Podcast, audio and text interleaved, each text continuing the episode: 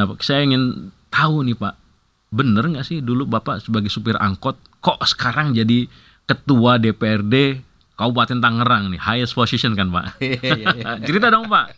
Iya, iya, iya, iya. Aduh, itu benar Mas Aryo. Kita Oh bener ya? Betul. Itu tahun 96. Hmm. 96 sampai Power Breakfast. Selamat pagi pendengar, apa kabar? Kali ini kita dalam Power Breakfast di El Sinta. Bukan hanya di radio, tapi juga bisa disimak di YouTube El Sinta. Kalau di radio bisa didengarkan Power Breakfast di Jakarta, Bandung, Semarang, Medan, Surabaya, dan sebagainya. Seluruh jaringan El Sinta. Pagi-pagi kita pengen ngobrol dengan seorang tokoh yang saya rasa kita patut banyak ngambil pelajaran dari beliau. Nah, saya undang pagi hari ini adalah Ketua DPRD Kabupaten Tangerang dengan Bapak Khalid Ismail. Assalamualaikum, apa kabar Pak Khalid? Waalaikumsalam Mas Aryo. Wah, sehat pagi-pagi nih Pak ya. Alhamdulillah sehat toh. Sehat kita ngopi dulu Pak. Sehat. Ya. Kalau pagi-pagi nggak ngopi tuh rasanya gimana gitu ya? Ya. Dan ngopi itu fisiknya kita minum, Heeh. ngobrol positif, inspiratif. Nah, itu dia. itu dia Pak yang kita pengen korek nih dari Pak Khalid Ismail. Sebagai politician tapi ternyata value-nya luar biasa saya baca ya Pak ya. Kalau orang pada posisi tertentu pasti dilihatnya akhirnya ya Pak ya. Misalnya sekarang nih Pak Khalid nih sebagai ketua DPRD Kabupaten Tangerang. Highest di jabatan politik di Kabupaten Tangerang begitu Pak. Tapi setelah saya baca, saya telusuri ya. Dulu nih punten Pak, dulu sempat jadi supir angkot ya Pak ya. Iya, iya, iya, iya. Artinya from uh, zero to hero. Ada sesuatu di sana yang nilai-nilai yang pengen kita dapetin Pak di uh, Power Breakfast pagi hari ini. Namanya juga Power Breakfast Pak. Jadi ya, ada powernya nih breakfastnya nih kan ya. Nah saya ingin tahu nih Pak, bener nggak sih dulu Bapak sebagai supir angkot kok sekarang jadi ketua DPRD Kabupaten Tangerang nih, highest position kan Pak? Iya, iya, iya. Cerita dong Pak. Iya, iya, iya, iya. Aduh, itu benar Mas Aryo. Kita Oh bener ya? Betul. Itu tahun 96. Hmm. 96 sampai 2000 ya, 99 2000. Pokoknya 96 saya bawa sub, bawa angkot, Mm-mm. itu ingat betul itu tuh di Tangerang Mm-mm. namanya angkot R11. R11. R11. Rute mana itu Pak? Itu rutenya Perumnas Karawaci Pasaranyar, Wih, Cikokol. Itu masih ingat Pak ya? Masih ingat itu. Itu rata-rata tarifnya berapa tuh Pak? Kalau Ya kalau dulu itu masih 1.500 gitu. Iya, iya. Ya, Pasti gondok Pak ya kalau ada yang nggak bayar ya. dia itu hal biasa Hal kadang-kadang ya, biasa itu ya namanya juga kan ada orang nggak bayar berarti dia nggak punya uang kan gitu. Hmm, Sudah biasa. begitu ya. Iya. Jadi dari dulu udah ngelihat em, aktiviti masyarakat kota eh, Tangerang ya Pak ya. Sehingga ketika berjalan sebagai politician akhirnya menjadi ketua DPRD Kabupaten Tangerang ini sudah tahu karakter mereka itu ya Pak ya. Ya, setidak-tidaknya kita dikasih pelajaran lewat situ lah, Hmm. gitu kan. Karena prinsip hidup itu kadang-kadang kita bisa mendapatkan sesuatu ilmu itu Mm-mm. bisa juga dari pengalaman orang, kejadian orang, Hmm. kemudian sesuatu yang menimpa teman ataupun kita itu menjadikan ilmu dan pengalaman. Duh, berarti kalau ketika jadi supir angkot tuh tiap hari ketemu orang kan Pak ya? Oh iya, Dan banyak orang-orang dan berbagai karakter. berbagai karakter. Artinya diserap itu semua. Oh iya, Apa Pak yang paling apa ya? Bisa diserap ya dari masyarakat itu ketika Bapak menjadi supir angkot waktu itu. Ya, eh, pertama eh, kita ini bisa belajar bahwa kita ini hidup seperti roda, Hmm. seperti setir, terlebih kadang di atas, kadang di bawah itu kan, Mhm. itu. Jadi itu tadi perputaran sirkulasi kehidupan tuh begitu. Ya. Jadi makanya kadang-kadang di atas, kadang-kadang di bawah. Kadang-kadang kita ada, kadang-kadang kita nggak ada. Itulah kehidupan. Hmm. Jadi jangan pernah menyesali ketika kita sedang posisi nggak ada. Nah, kadang-kadang kita happy pada posisi ada. Nah, ini yang agak sulit kan gitu. Iya, betul. Gitu. Jadi ketika kita ada kita happy, ketika kita nggak ada kita nggak happy. Nah, ini Harusnya happy terus, hmm. happy terus lah. Karena ya tadi itu perputaran kadang di atas, kadang Oke. di bawah. karena mau menyadari bahwa kadang di atas, kadang di bawah. Ketika Nah. di bawah kita nyadari bahwa nanti kita akan di atas gitu ya. Betul, itulah sejatinya kehidupan. Iya. Itu ya, Pak ya. Jadi, Iya. eh, dan kalau lihat karakter orang-orang itu eh, masyarakat itu apa Pak yang bisa di apa ambil maknanya ya? Iya, kan kadang ngeliat karakter orang itu ada yang apa ya? eh memang orang yang lebih mengedepankan kepada physically, Iya. ada orang yang lebih mengedepankan Holistik kepada gitu ya? iya, holistik gitu kan. Ya, karena tadi tuh ternyata ada juga kok. Mamanya satu contoh, ada penumpang, Iya. dia keren dia ini. Tapi ternyata dia buat bayar juga malas Hmm. ada juga orang yang kelihatan bajunya compang samping dan lain sebagainya oh dia bayar Disiplin dia bayarnya. disiplin bahkan dia nyaris lebih menghargai nah Hmm. Makanya tidak semua yang kita lihat itu tadi sesuai dengan ininya enggak Wah. Berarti itu bisa berlaku di berbagai level kehidupan Oh, ya, iya. Pak ya. di berbagai kehidupan dan itu nanti akan terakumulasi dalam politik gitu. Hmm. Iya, iya. Tertarik politik waktu itu dari supir angkot. Oh, Gimana enggak. stepnya Pak itu? Karena kalau memang sejak 96 sampai 2000 tuh saya hanya satu pemikiran saya. Mm-mm. Saya harus bisa menyelesaikan studi saya S1 saya. Oh, Apa pun itu harus saya lakukan dan ya bukan hanya saya narik angkot Mas Aryo mm-mm. termasuk saya pernah jadi cleaning service itu di rumah sakit harapan kita itu sebagai upaya yang penting saya bisa bertahan oh jadi pernah juga Pak? Oh, Jadi pernah. cleaning service di rumah sakit itu ya? pernah di eh, Darmais tuh. Darmais ya tahu. Darmais. Dan itu waktu era Pak Holid eh, kuliah. iya. Sambil kuliah sambil kerja. iya. Sambil kuliah sambil kerja dan itu. Jadi dalam proses itulah gitu. Ternyata kalau kita mau melakukan pingin menjadi sesuatu karena kita ini bukan pewaris ya. Artinya orang tua kita ini bukan orang yang kaya. Mm-mm. Orang tua kita ini bukan pejabat Mm-mm. yang mungkin pingin sesuatu itu tinggal nunjuk sudah ada karena kita ini adalah perintis karena pingin menyelesaikan S1 dalam keterbatasan itulah Mm-mm. sehingga saya harus merintis dengan apa pun Berbagai cara ya? berbagai cara. Yang penting halal Pak. yang penting halal Berangkot, cleaning service, Hmm. mungkin banyak lagi Pak ya kali ya. oh iya sampai suatu saat saya nggak pernah ini saya hanya pingin bertahan Mm-mm. itu eh, dulu itu kalau ada orang pesta Mm-mm. itu kan masih ini kan itu sampai saya harus mencari orang yang pesta minta untuk mencuci piring Oh, saya lakukan itu demi untuk bertahan tukang cuci piring. Ya. Wis, jadi berbagai level, berbagai keadaan Ya. dilewati Pak ya. Yang Ya. penting waktu itu seperti Pak Khalid bilang harus lulus S1. ya Apa pentingnya Pak S1 itu?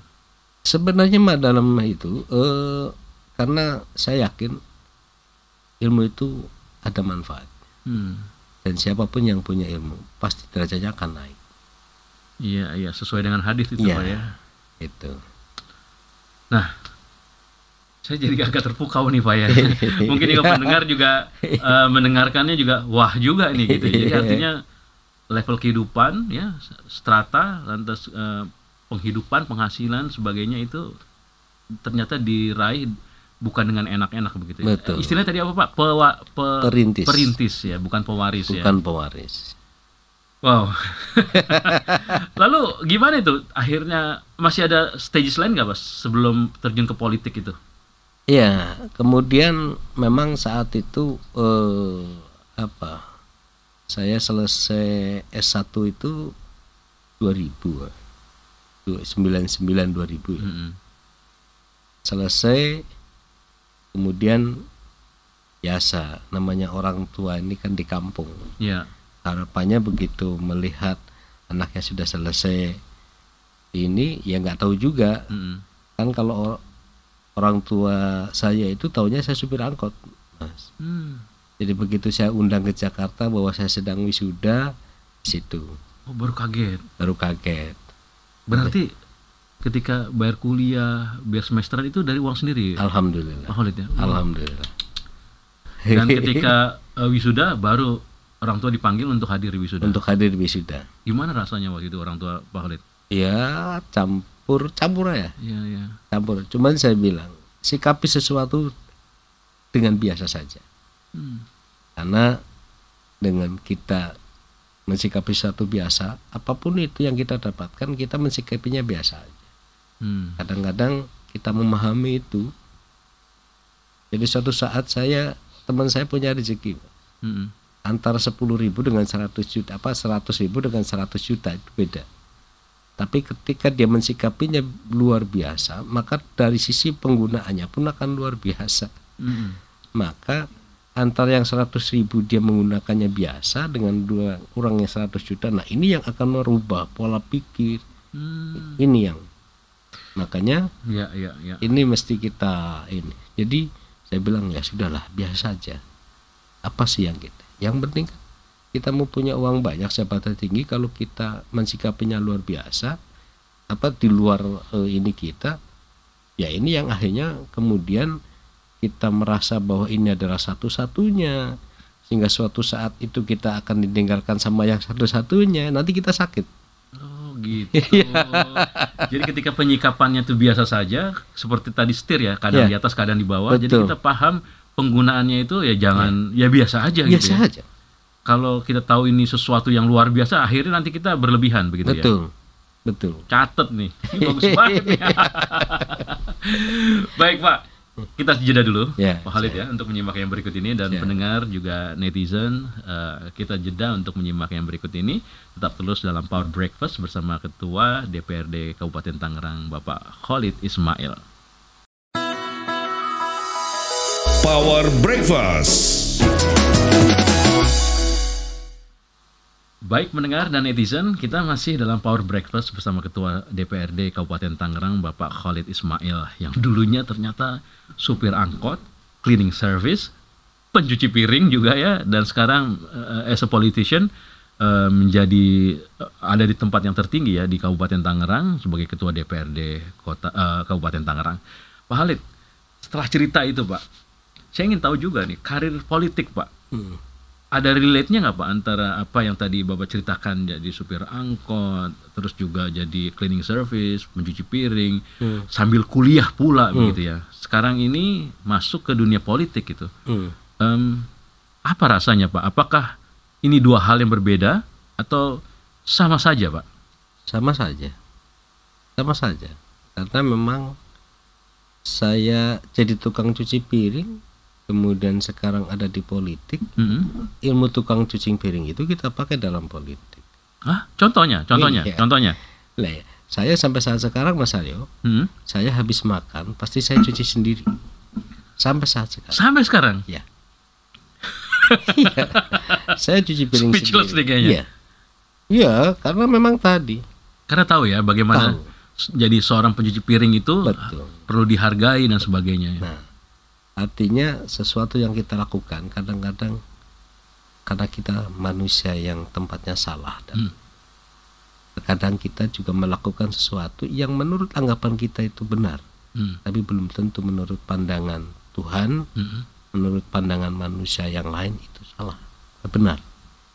Jadi di situlah maka segera kita harus lakukan cucian dan kita Hmm. introspeksi, kita cuci itu.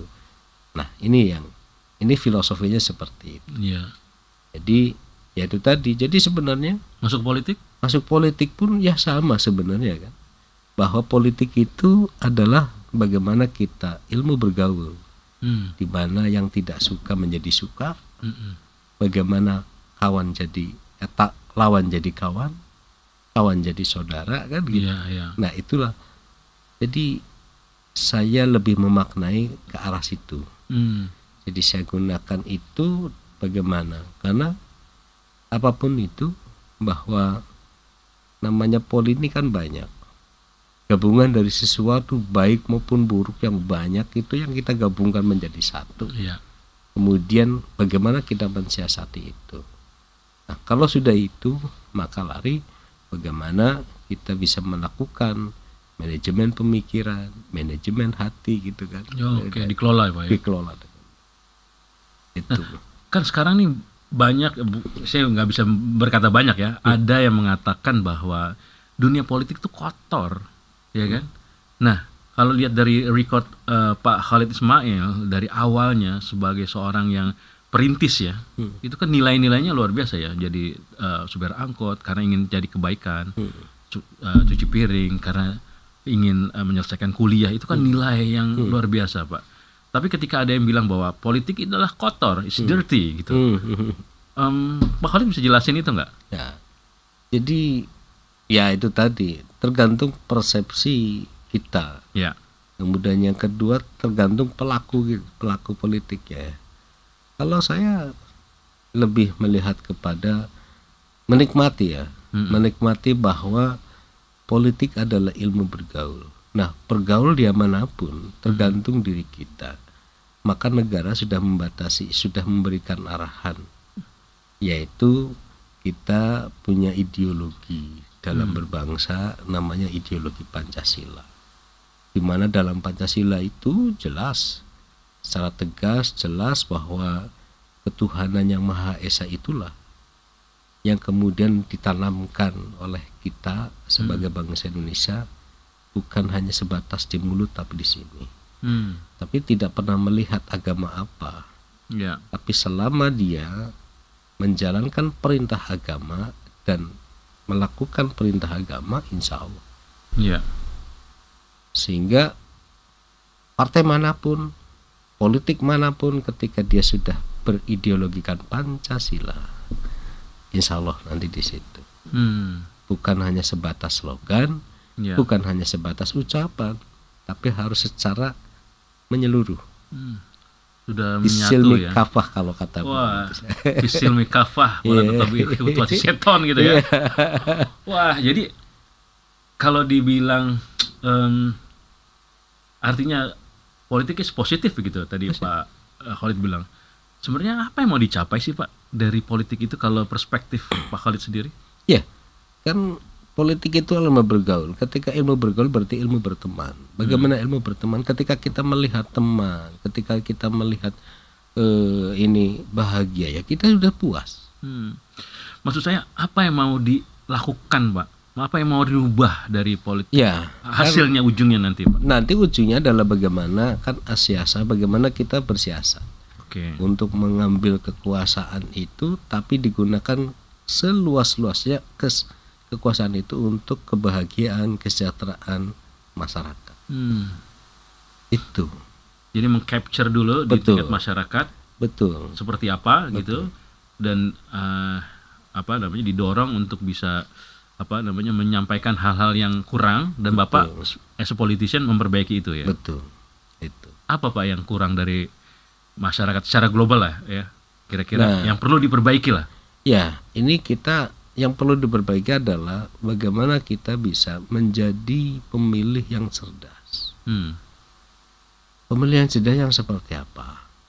Pemilih yang cerdas itu kalau secara religi dia akan lebih mengedepankan bagaimana ketika Allah turunkan wahyu yang pertama ikro adalah baca. ya Baca itu itu secara apa namanya harfiah mungkin A B C alif Ya. Nah, tapi kan secara syar'inya kan bagaimana kita bisa membaca situasi. Bagaimana kita bisa membaca karakter. Bagaimana kita bisa membaca eh, medan dan lain sebagainya. membaca keinginan masyarakat Membaca keinginan masyarakat. Kita perlu talenta itu hmm. gitu kan sehingga ketika kita memutuskan untuk memilih itu masyarakat Mm-mm. udah dengan ilmu gitu loh iya iya iya ini bukan karena kita mau ada capres mencapresan Oh, Pak ya enggak ya kita kita ini saya Secara global ya? secara global karena Iya. memang hasil bagaimana ketika saya terjun di politik saya bersosialisasi dengan masyarakat Mm-mm. dan hampir rata-rata Mm-mm. sekarang kita belum berhasil mendidik itu Oh. bagaimana kita mendidik masyarakat untuk memilih yang cerdas Iya. untuk memilih menggunakan ilmu itu kan Jadi perlu literasinya, betul benchmarknya eh, semuanya harus ini ya berdasarkan itu betul begitu ya, harus berdasarkan bukan cap cip cup ya. betul Karena kalau cap cip cup ini ngerinya memang benar sih pak. Iya. Jadi ketika kita salah memilih gitu ya, Iya. ya kan dampaknya lima tahun ke depan ya, waduh nothing gitu ya. Loh, loh, makanya nanti penyesalan sering mas Adi. jadi sekarang itu banyak ya konstituen saya yang datang bahkan konstituen yang dulu mungkin berlawanan datang ya saya pingin tuh ya sudah ini satu kesalahan yang jangan terulang kembali Mm-mm. bahwa you memilih berdasarkan apa wah pak saya dulu nggak enak pak wah dulu saya dikasih ini wah dulu Mm-mm. nah karena tadi apalagi sekarang Iya, iya. lebih banyak orang dengan apa digital ini yang luar biasa kan Iya, iya. Pasang di medsos Framing oh, ya. framing gitu kan ini kan luar biasa orang begitu melihat wah cantik wah cakep Mm. ya itu tadi tapi lebih dalam lagi maka kalau saya selalu bilang tasamuh lah Tersebut ya, ya, ya. Jadi Pak, bi- tapi orang-orang kayak gitu itu dari pengalaman Pak Khalid Ismail di lapangan ya Pak ya, yang sering ketemu masyarakat gitu, itu bisa di literasi nggak sih, Pak? bisa diedukasi nggak sih? Ya bisa Bisa Pak. bisa Kadang-kadang kan orang itu kan nggak penting, yang penting ini, ah pokoknya Nah. begini, kayak gitu ya Pak ya? Iya. Kan itu kan fakta yang di lapangan ya, bisa Pak. bisa ya? bisa saya ini adalah yang ketiga kemarin 2019 itu yang ketiga Oh, yang pertama 2009 iya iya. itu bagaimana saya berupaya berusaha tadi eh, bagaimana meyakinkan kita ini bukan siapa-siapa kita tidak punya apa-apa tapi kita mau ikut dalam kontestasi, politik. kontestasi politik. Orientasi apa? Orientasi memberikan edukasi itu yang pertama. Mm-mm.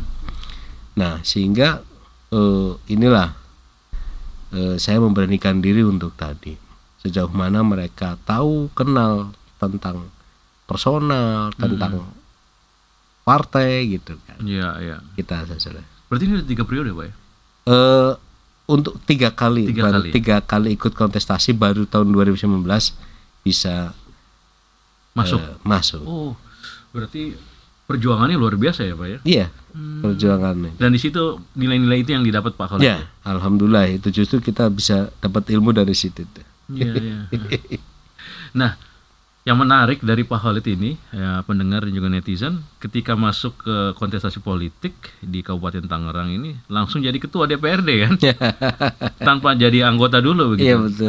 Nah, bisa cerita juga kita Pak, itu nilainya eh, bagaimana? Apa yang bisa disikapi itu kayak gitu? Ya, ya, ya itu tadi, Mas. Jadi saya selalu bilang kalau kita normal-normal aja.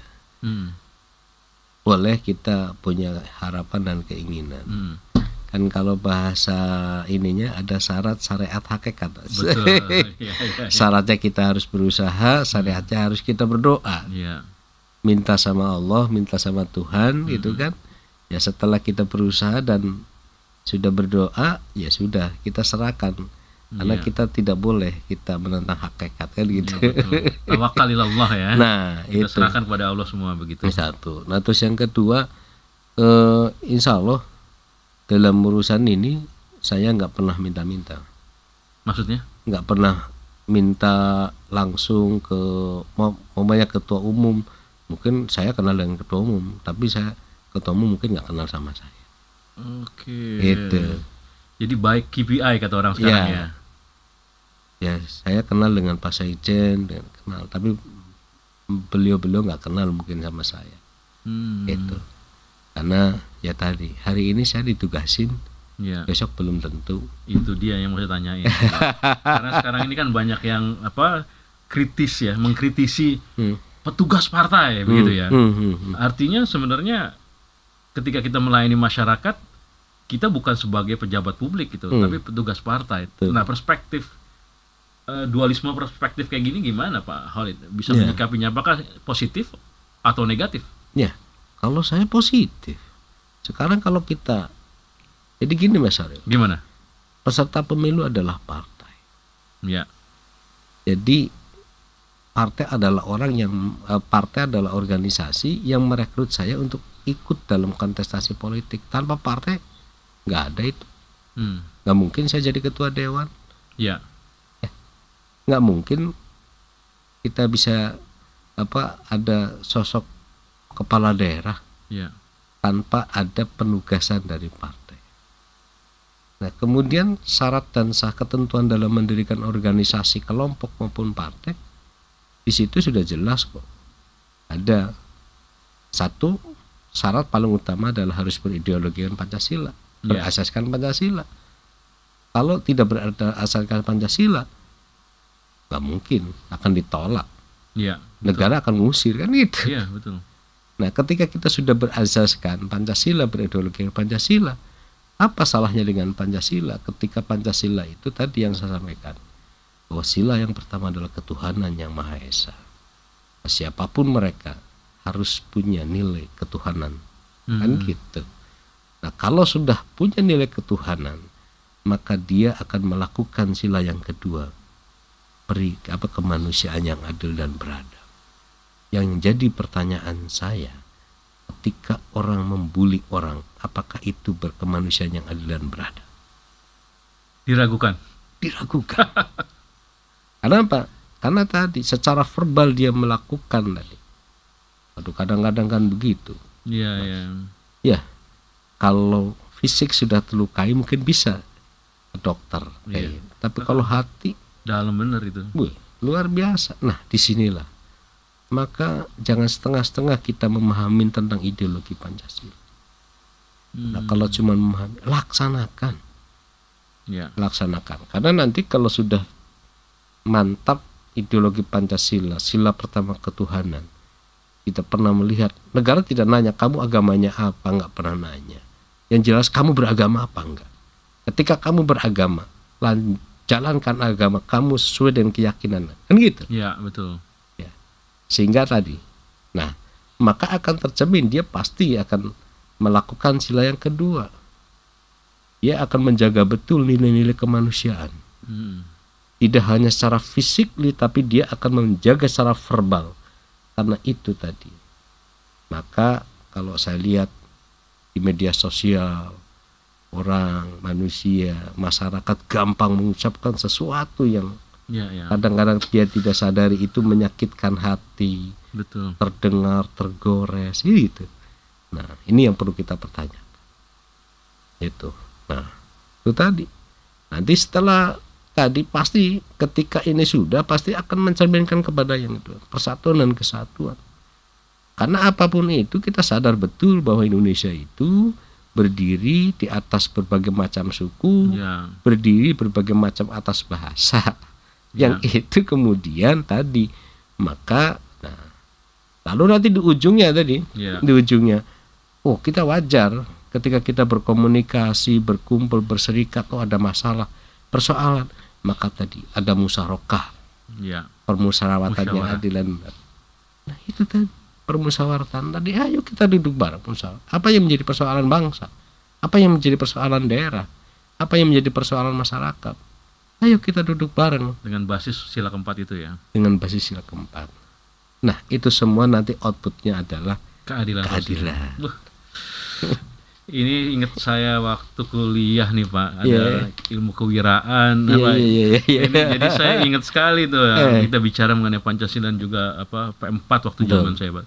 Nah, ketika menjadi ja- pejabat publik juga petugas partai dan ketika berbasiskan yang lima sila itu artinya iya eh, menyatu semua Pak. menyatu dan tidak ada Iya. skat-skat bahwa iya artinya semuanya visionnya adalah untuk kepentingan Iya. masyarakat ya gitu ya. dan ketika ketika saya melakukan kesalahan dan anggap merugikan kepentingan masyarakat maka partai atas surat tugas itu bisa melakukan tindakan-tindakan Hmm. memecat memberhentikan nah kalau dia tidak mau dilakukan dikatain petugas partai ketika dia tidak melakukan kesalahan ketika dia melakukan Siapa yang kontrol gitu ya? siapa yang kontra Iya, iya, Itu Jadi kan. artinya sebenarnya eh, selaras Pak ya. selaras dan saya sepakat itu Hmm. Sepakat itu gitu itu Luar biasa.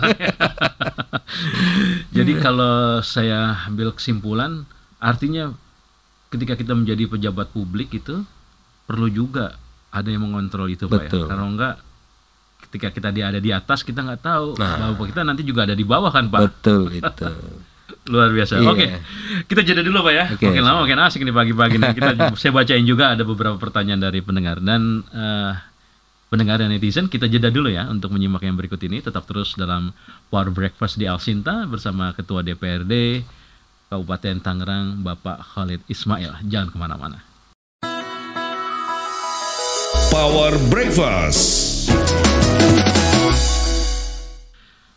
Baik mendengar, kita masih dalam Power Breakfast di El Sinta bersama Bapak Khalid Ismail, Ketua DPRD Kabupaten Tangerang yang merupakan politician senior nih saya bilang nih. Karena kenapa? Beliau ini perintis ya. Karena dari awal awalnya dari supir angkot terus juga cleaning service pencuci piring terus sambil kuliah kuliah selesai terus masuk ke karir politik. Sekarang ini menjadi ketua DPRD Kabupaten Tangerang. Pak Khalid, ini banyak sekali pertanyaan ya Pak ya yang masuk ke redaksi El Sinta. Minta insight perspektif dari Pak Khalid nih. Salah satunya Pak Adi di Palembang. Nggak apa-apa kan ya, Ya. bukan konstituen dari Bapak ya, nih. ya, ya. Di Pak Adi di Palembang, Pak. Sekarang ini pejabat ini ketika enak langsung aja mikirnya balik modal untuk korupsi, Pak. ya Nah, saya ingin tahu perspektif dari Pak Khalid mengenai pejabat dan korupsi. ya Apakah begini terus, Pak? Gimana tuh? ini lagi ini ya, sekarang begitu kan ya. Iya, iya, lagi betul. berkuasa mumpung gitu Iya, kan. Karena betul. memang biaya politik tinggi Ya. gitu. ya tergantung orientasi kita sih Pak. Ya. jadi eh, kita ini kalau pengen kaya ya usaha. Jangan jadi pejabat. Kalau pengen pejabat mau jadi pejabat ya berarti siap. Siap mental luar dalam. Ya. artinya ya tadi jadi eh ya kalau saya secara pribadi mensikapi ini biasa. Jadi jangan kaget. Artinya bahwa dalam satu jabatan tertentu kalau orientasi kita adalah mencari kekayaan Hmm. maka ujungnya adalah korupsi tapi kalau kita ada dalam satu jabatan itu yang kita ambil adalah bagaimana kita menjalankan tugas untuk kemaslahatan insya Allah Hmm. Saya ju- justru tadi ingat kutipan dari Pak Khalid yang di awal Pak. Hmm. Ketika orang jadi pejabat itu harusnya di treatnya biasa aja. Biasa ya. aja. Ketika dia luar biasa korupsi dia jadinya. ya. iya betul itu, Itu ya Pak? ya? Iya. Bener kan ya saya betul Pak? Wah. Eh. Nanti udah jadi mahasiswanya Pak Khalid nih saya. Iya. Ini juga ada pertanyaan Pak dari Hmm. Ibu Irna di Bandung. Ibu Irna selamat pagi Bu Irna. Pak Khalid mau tanya nih mengenai masalah eh, yang biasa saja tadi. Oh, iya, berarti Hmm. ini nyambung nih ya apa Iya, yang tadi iya. saya bilang. Pak, tapi faktanya ketika kita berada di satu posisi begitu Pak, itu godaannya luar biasa Pak. Kita seperti terhipnotis dengan apa yang kita miliki ketika menjadi pejabat. Rasanya nih Bu Irna juga pejabat juga kali Pak ya. Iya, iya, iya, iya. Gimana Pak? Kasih tips kita dong supaya kita kuat nih. So, eh, perspektifnya adalah untuk melayani masyarakat. Mohon pencerahan. ya Di ya Bandung Bu Irna. budaya ya jadi ya tadi kita ya biasa saja sih kalau kita ini.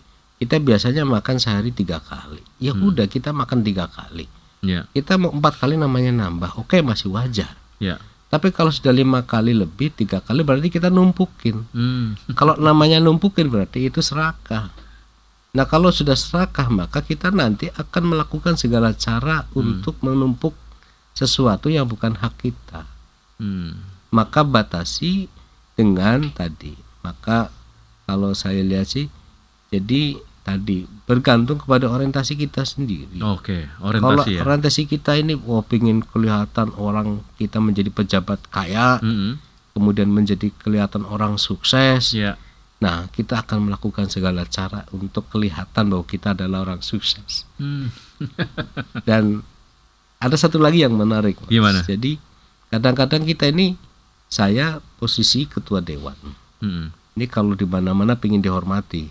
Ah ya benar itu pak. Itu kan? Maka orang yang edik Maksudnya- pejabat sebagai pejabat kan karena itu pak ya. Iya. Ketika dihormati di banyak privilege gitu kan, Iya. wah senang bener Iya. gitu ya. Itu kerasa ya pak ya. Oh ya kerasa, tapi ya karena kita biasa saja. Ya orang kita dulu berangkat dari sesuatu yang biasa. Iya iya. Masa kita harus begitu jadi ketua dan kita harus minta yang luar biasa. Ya artinya bergantung kepada kita. Kadang-kadang kan tadi, maka ada prinsip bagaimana ketika Mas Aryo dulu itu kalau waktu SD, yuk anak-anak kita sebelum belajar kita berdoa. Iya. Kan di situ secara bahasa Indonesia lapangkan hatiku, mudahkan Ya, ya segala kan, usahaku. segala urusanku kan Iya. gitu. Nah, di situ tadi maka jadi pejabat mesti harus lapang. Lapang dikritik juga. Lapang dikritik gitu kan. Iya. Kemudian lapang di tadi Dikoreksi. dikoreksi. Nah, ketika ada orang yang tidak hormat sama kita ya karena mungkin dia nggak tahu, eh, biasa saja. Jadi jangan Hmm, kita iya, iya. dibutakan dengan harta, jangan kita dibutakan dengan tahta. tahta. Jadi gitu. Itu Bu Irna. Ya. Tips and triknya itu. Ini dari Pak Farid di Tangerang. Pak mau maju ke yang apa? Ke jajaran eksekutif nggak Pak? ya, Nakal pertanyaan ini Pak. Pak Farid nih. ya, ya. Jadi saya selalu berjalan dengan hal-hal yang normatif aja, Normatif ya. normatif saja. Jadi karena dalam prinsip kalau ingat apa yang pernah disampaikan sama Bung Karno itu, Mm-mm. bunga mawar tidak akan mempropagandakan kewangiannya. Jadi bunga mawar itu dia tidak akan pernah teriak, nih saya wangi itu tidak. Ya. Karena kewangiannya itu orang yang lewat dan mencium ini wangi bunga mawar. Dalam ini Pak. Ya, kebaikan itu tidak perlu kita sampaikan kepada orang. Mhm. Karena kebaikan itu yang merasakan adalah orang. Sehingga orang itulah yang menceritakan bahwa Anda baik, Anda bisa, Anda luar biasa. Very humble berarti. ya. itu ya, di nilai-nilai itu yang diterapkan Iya. oleh Pak Khalid ya. Betul. Jadi ya sudahlah. Karena memang kan kita juga kita ada rekam digital, Ya. rekam jejak. Mm. Semua orang pasti punya. Dan kalau kita sayang terhadap anak dan keturunan kita, Ya. maka tercatat dalam sejarah yang baik. Mm. Biar nanti anak dan keturunan kita, pengikut-pengikut kita ikut mempertahankan kebaikan itu. Iya. Tapi kalau kita sudah menorehkan sejarah yang buruk, maaf, anak, teman, cucu-cucu kita pasti akan berusaha sekeras mungkin menghabiskan waktu untuk memperbaiki sejarah itu. Hmm. Itu. Gitu ya. Iya. Wah, asik juga. Oke, ini Pak ada pertanyaan lagi dari Pak Ferry di Bandung. Pak Ferry bertanya mengenai Bapak sebagai anggota eh, se- sebagai ketua DPRD Kabupaten Tangerang yang bekerjanya mengawasi eh, kerja eksekutif. Kira-kira bagaimana bisa merubah mindset eksekutif karena DPRD menyerap aspirasi dari masyarakat sehingga dia paling tahu kebutuhan masyarakat dan eksekutif melakukan eh, kerjanya. Nah, bagaimana cara mengontrol yang efektif Pak untuk eh, eksekutif? Ya. Gimana biasanya Bapak bekerja untuk mengontrol eksekutif Pak? Kan eh, memang balik kepada tupoksi kita ya. Iya. tugas pokok fungsi dewan kan itu adalah fungsi pengawasannya. Ada instrumen-instrumen yang kita pakai. Ya. Nah, instrumen yang kita pakai pengawasan itu ada regulasi, ada aturan. Nah, kalau regulasi dan aturan itu sudah apa namanya menjadi perangkat kalau namanya software hardware-nya kan Hardware-nya, gitu ya. betul. Nah, perangkat-perangkat itu kita gunakan. Nah, terus yang kedua, saya yakin eksekutif juga punya tadi apa step-step dalam melakukan pengawasannya ya kan. Iya. Kan ada instrumen juga. Instrumen kelembagaan yang mengawasi terhadap pelaksanaan kegiatan. Nah, ini yang kemudian saya selalu bilang bahwa ada dua hal. mau apa pun itu kita bentuk aturan Ya. mentalitas kita bisa aja nyolong-nyolong mau begini begitu masih bisa maka karakter ini yang tadi satu yang kedua kita ini orang dewasa yang selalu menggunakan instrumen yang diberikan oleh Tuhan oleh Allah. Hmm. Alat perangkat apa itu? Akal sehat. Hmm. Itu kan, akal sehat. Kadang-kadang kan kalau sudah meletakkan posisi kita ini saya sering saya sampaikan bahwa kita ini meletakkan posisi kita sebagai manusia sebagai hamba apa sebagai budak Oke. kalau sebagai budak maka dia bergantung siapa yang ngawasi dan ada aturan apa Iya. Maka dia baru ketika nggak ada ngawasi ya sudah. Saya sering lihat itu kalau di lampu merah. Begitu lampu merah berhenti ada polisi. Tapi nggak ada polisi Jalan terus. jalan. Kenapa? Oh ya nah itu udah men- mental budak gitu. Iya, iya. nah sama dengan kita. Tapi kalau kita sudah mental hamba Hmm. maka dia lebih menggunakan. Ada yang ngawasin nggak ada yang ngawasin Dia tetap stick pada aturan. stick pada aturan jadi ini ini yang yang kemudian menjadi ini nah sekarang tinggal banyak ASN yang jadi budak Iya, iya, iya. iya. bukan menjadi hamba maka dia akan takut tunduk ketika ada Yang mengawasi. yang mengawasi ada polisi Iya. kalau udah dipanggil sama KPK sudah Iya. dipanggil sama kejaksaan baru Hmm. dia tidak tadi nah makanya balik lagi jadi sebenarnya kita ini lebih lebih menggunakan kepada instrumen anugerah Tuhan Mm-mm. yang menjadi instrumen kita untuk tadi Iya. balik lagi terus gimana cara pengawasannya balik lagi kamu budak atau hamba Oke. kalau budak berarti saya harus tongkrongin oh saya hamba pak oke kalau hamba berarti anda menggunakannya itu rasionalitas Hmm. Nah, kalau sudah rasionalitas oke. Nah, kadang kan begitu, Pak. Rata-rata Mas Aryo, Ya. rata-rata ini kita lebih bekerja pada tataran asumtif, bukan kepada rasionalitas. Siapa pun itu. Iya. Nah, kadang-kadang bes begitu, weh, itu anak presiden, mamanya nih contoh. Iya. Wah, dia anak bupati. Harus begini. Lah, rasionalnya dia bukan siapa-siapa. Rasionalnya. Iya. Tapi kenapa kita harus nah, Iya. wah takut nanti ini wah, dia makan kita ini asumtif asumsi nanti oh begini begini Hmm. kita nah ini jadi pada prinsipnya adalah selama kita masih menggunakan instrumen yang terbaik adalah instrumen Tuhan menggunakan akal sehat rasional kita Hmm. sehingga kita bisa menempatkan posisi kita menjadi hamba Hmm. maka Jadi literasi itu dibawa ke sana ya, Pak? dibawa ke sana Khalid ya. iya Ketika misalnya meeting atau rapat dengan eksekutif Oh, iya. bahwa inilah sebenarnya nilai-nilai yang harus Nilai-nilai. diangkat. nilai-nilai yang harus diangkat jadi percuma kita juga mau ngomong wah percuma Iya, iya, iya. Lebih lebih membangun kepada tadi bahwa jangan pernah main-main dengan nilai ideologi Pancasila. Karena di dalam nilai ideologi Pancasila inilah ini kita akan semuanya Iya, menyeluruh ya. menyeluruh. Iya, iya, menarik sekali ini pertanyaan terakhir Pak, terakhir Iya. ya dari em, Mas David, Mas David di Jakarta. Pak, Kabupaten, eh, Kabupaten Tangerang sebagai kota penyangga Jakarta, kira-kira apa Pak kontribusinya supaya bisa menjadi megapolitan? Wah, ini pertanyaannya asik juga nih. Ke depan banget nih. Jadi, tapi ki- setuju nggak kira-kira Pak su- Kabupaten Tangerang, Tangerang, Depok, Bekasi sebagai Iya. kota penyangga yang memang harus menyokong megapolitan ini gitu? Jadi dibalik Mas, kalau umpamanya ini, kalau penyangga berarti hebat Kabupaten Tangerang. Benar. Menyangga. iya ya, bener ya. Iya. Logikanya gitu ya. iya. Menyangga DKI yang begitu besar kan, Iya. menyangga ibu kota yang begitu besar, luar biasa berarti. Betul, betul. Ya, kalau saya malah justru lebih melihat bahwa eh, ibu kota ini lebih memperhatikan kepada kota Kabupaten Tangerang yang eh, apa menjadi perbatasan ibu kota. Nah, ini yang kemudian Karena banyak warga Kabupaten Tangerang kan yang bekerja di Jakarta. Oh, iya. Sebenarnya backbone-nya Jakarta ini adalah masyarakat yang ada Iya. di sekeliling kota Jakarta itu sendiri kan ya. betul, ya banyak juga orang Jakarta, orang Jakarta yang nyari duitnya di Tangerang, bayar pajaknya di Jakarta juga ada. Benar. Atau dibalik lagi, ada orang yang kerja Tangerang yang kerja di Jakarta, bayar pajaknya di Tangerang ada juga. Betul. Itu.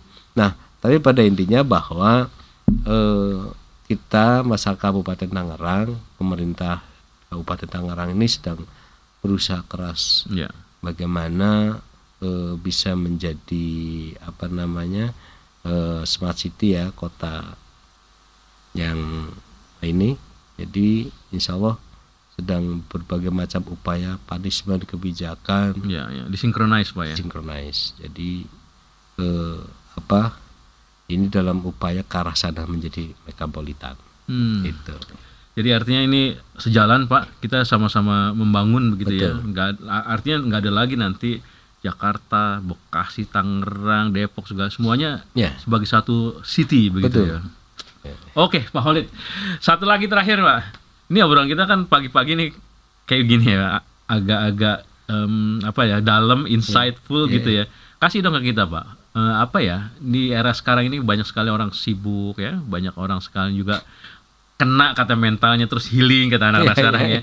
Tapi dari perjalanan eh, Pak Khalid dari supir angkot, terus juga cleaning service, pencuci piring, sampai sekarang ha- eh, apa posisi tertinggi highest politician di- sebagai ketua DPRD Kabupaten Tangerang. Kira-kira apa sih Pak yang bisa kita lakukan nih Pak untuk bangsa dan negara ini ya? Hmm. Yang konkret-konkret aja gitu Pak. Apa Pak kira-kira? Ya, satu bahwa semua orang itu ada nilai. Dan setiap nilai itu terlihat. Nah, setiap terlihat itu akan menjadi barometer buat kita. Hmm. Artinya siapa pun kita itu adalah orang yang punya magnet. Mas Haryo termasuk tadi si penanya tadi adalah punya magnet. Nah, sejauh mana magnet itu adalah punya daya tarik tersendiri. Dia punya kalau punya istri, dia punya magnet dengan istri. Kalau punya anak, minimal dia punya magnet dengan Anaknya. anaknya. Artinya daya tarik itulah. Maka nanti ketika daya tarik itu akan muncul, tergantung daya tarik itu jangkauannya sampai mana. Hmm, hmm. Ada yang satu meter mungkin istri, keluarga, Ya, ya, anak. Ada yang mungkin 10 meter tetangga. Ada yang mungkin kiloan. Hmm, Nah kalau presiden kan magnetnya Nasional. nasional. Ya. Kalau gubernur magnetnya magnet yang dipengaruhi oleh jabatan. Hmm. Ada magnet yang dipengaruhi jabatan. Seorang direktur, seorang HRD, Ya. dia akan bisa mempengaruhi terhadap sekup lingkungan tadi.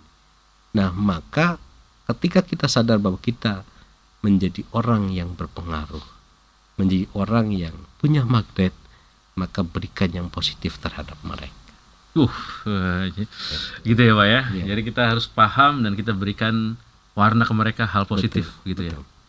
Pak Khalid Ismail, Ketua DPRD Kabupaten Tangerang, terima kasih sekali sudah mampir di El Sinta dalam Power Breakfast. Semoga apa yang kita obrolin ini Pak menjadi inspirasi juga untuk kita semua Pak ya. Amin. Sukses selalu untuk eh, Bapak. Ya, terima kasih. Ya, pendengar, demikian tadi eh, Power Breakfast di El Sinta bersama Ketua DPRD Kabupaten Tangerang, Khalid Ismail yang dulunya sebagai supir angkot, cleaning service, pencuci piring, sekarang menjadi Ketua DPRD dan nggak tahu lagi nih ke depan mau jadi apa lagi, tapi rasanya kalau bicara dengan magnet-magnet itu ada achievement yang mau dicapai juga ya. Ya kita doakan ya supaya bisa mewarnai masyarakat Indonesia. Saya Hario Ristamaji, terima kasih dan selamat pagi. Power Breakfast.